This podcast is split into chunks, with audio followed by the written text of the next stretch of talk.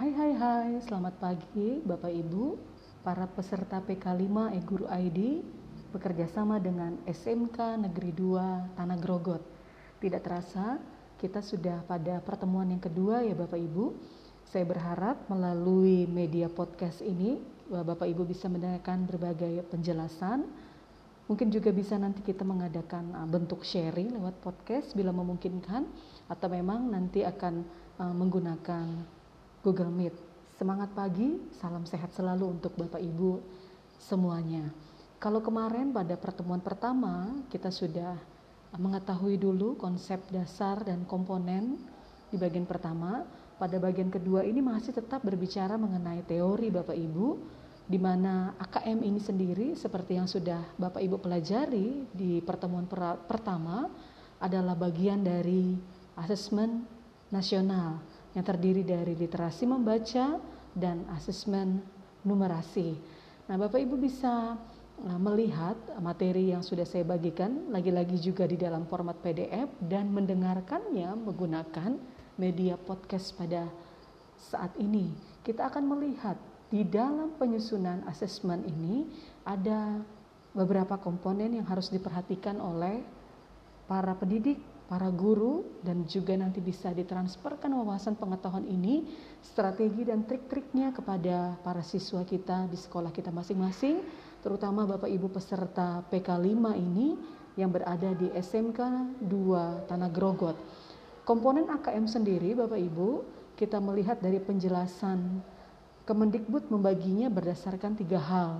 Yang pertama adalah konten, yang kedua proses kognitif, dan yang ketiga adalah konteks. Di dalam konten ini, di situ kita akan melihat ada yang namanya asesmen literasi membaca dan asesmen numerasi. Di mana di bagian literasi membaca ini biasanya akan menguji ya beberapa teks yang bersifat informasi atau fiksi.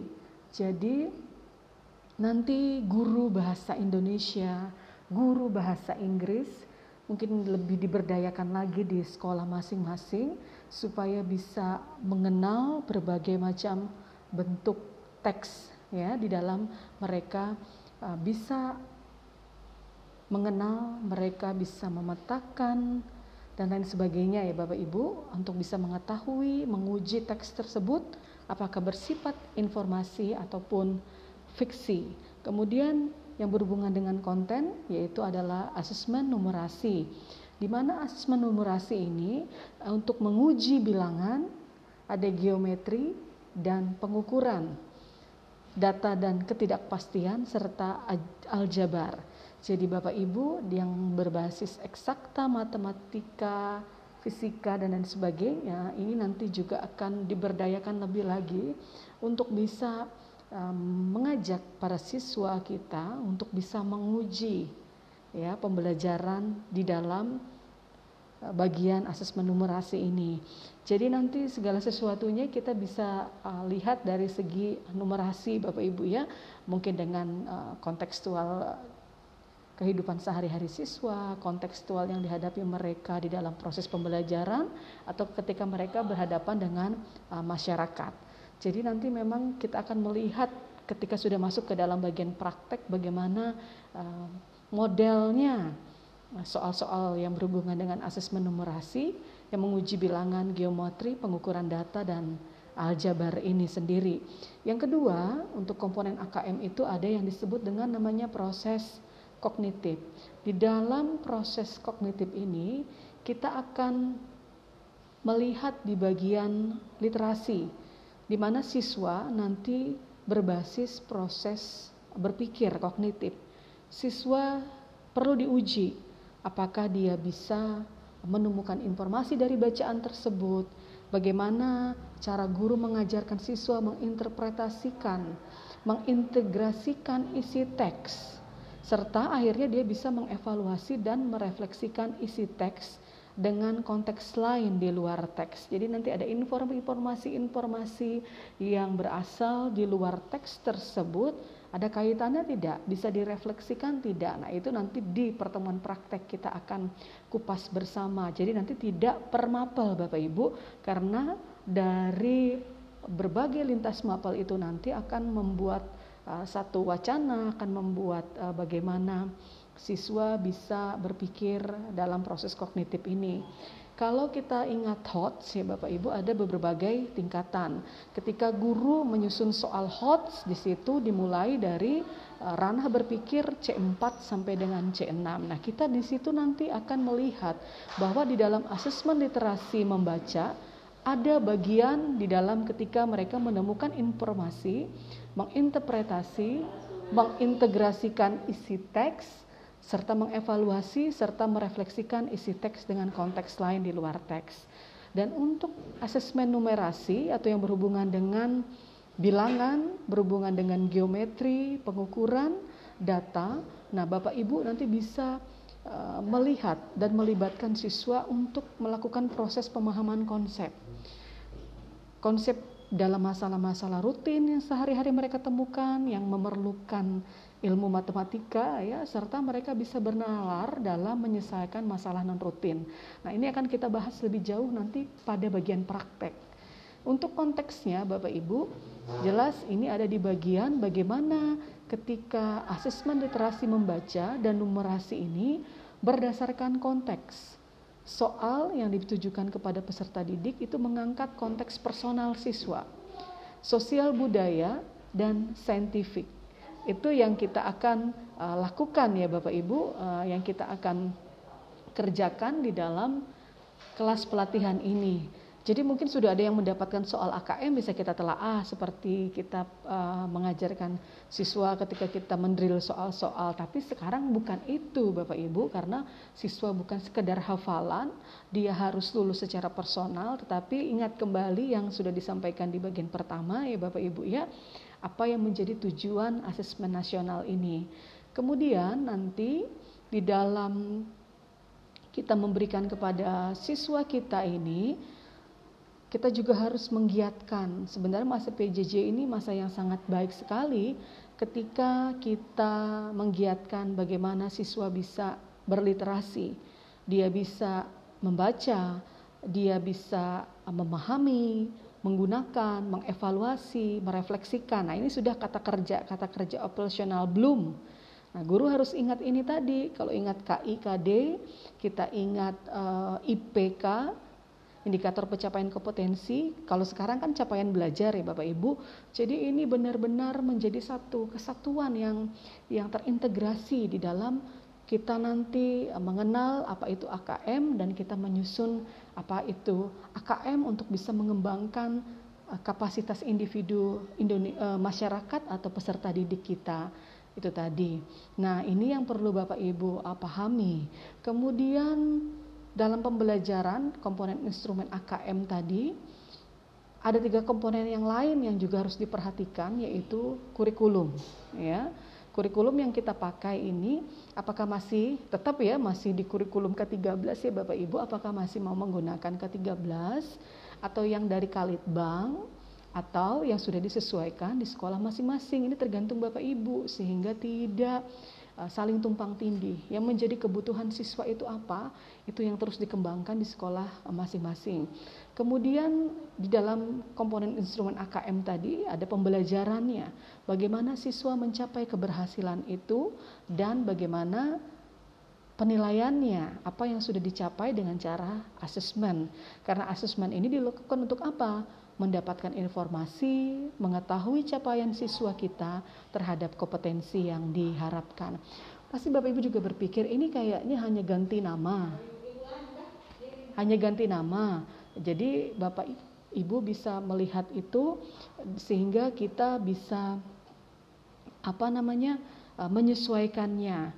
Terus untuk memastikan AKM ya Bapak Ibu lihat nanti ini kan dijelaskan di bagian praktek bahwa komponen asesmen kompetensi minimum itu ya yang sudah saya jelaskan di awal ada konten konteks dan proses kognitif itu nanti kita akan bahas di bagian praktek itu berhubungan dengan konten pada literasi membaca dan numerasi tadi jadi nanti silahkan bapak ibu uh, uh, mencari juga selain apa yang saya sampaikan melalui video yang sudah ditonton, melalui uh, materi yang ada dibagikan atau bahkan uh, yang sudah Bapak Ibu juga dapat dari website atau IG dari Kemendikbud. Kemudian untuk tingkat kognitif itu menunjukkan proses berpikir ya Bapak Ibu yang dituntut untuk diperlukan agar siswa bisa menyelesaikan masalah atau soal yang diberikan kepada mereka. Proses kognitif pada literasi membaca dan numerasi menjadikan dibagi menjadi tiga level. Ya, jadi nanti di bagian inilah kalau kita kemarin kan belajar HOTS itu ada level uh, L1, L2, L3. Nah, pada literasi membaca, level-levelnya itu kita bisa melihat mereka tadi yang di awal saya katakan, apakah um, bisa menemukan informasi, apakah ada interpretasi dan integrasi, adakah evaluasi dan refleksi. Kemudian untuk numerasi ketiga levelnya itu ada pemahaman, ada penerapan dan penalaran yang berhubungan dengan konteks tadi yang sudah saya sampaikan, eh, kita bisa lihat ya menjadi tiga adalah personal, sosial budaya, dan saintifik. Jadi ini nanti yang akan uh, saya sampaikan kepada Bapak Ibu sekalian di dalam praktek-praktek kita selanjutnya sehingga kita bisa melihat kekuatan-kekuatan yang disampaikan uh, di dalam proses penyusunan instrumen AKM.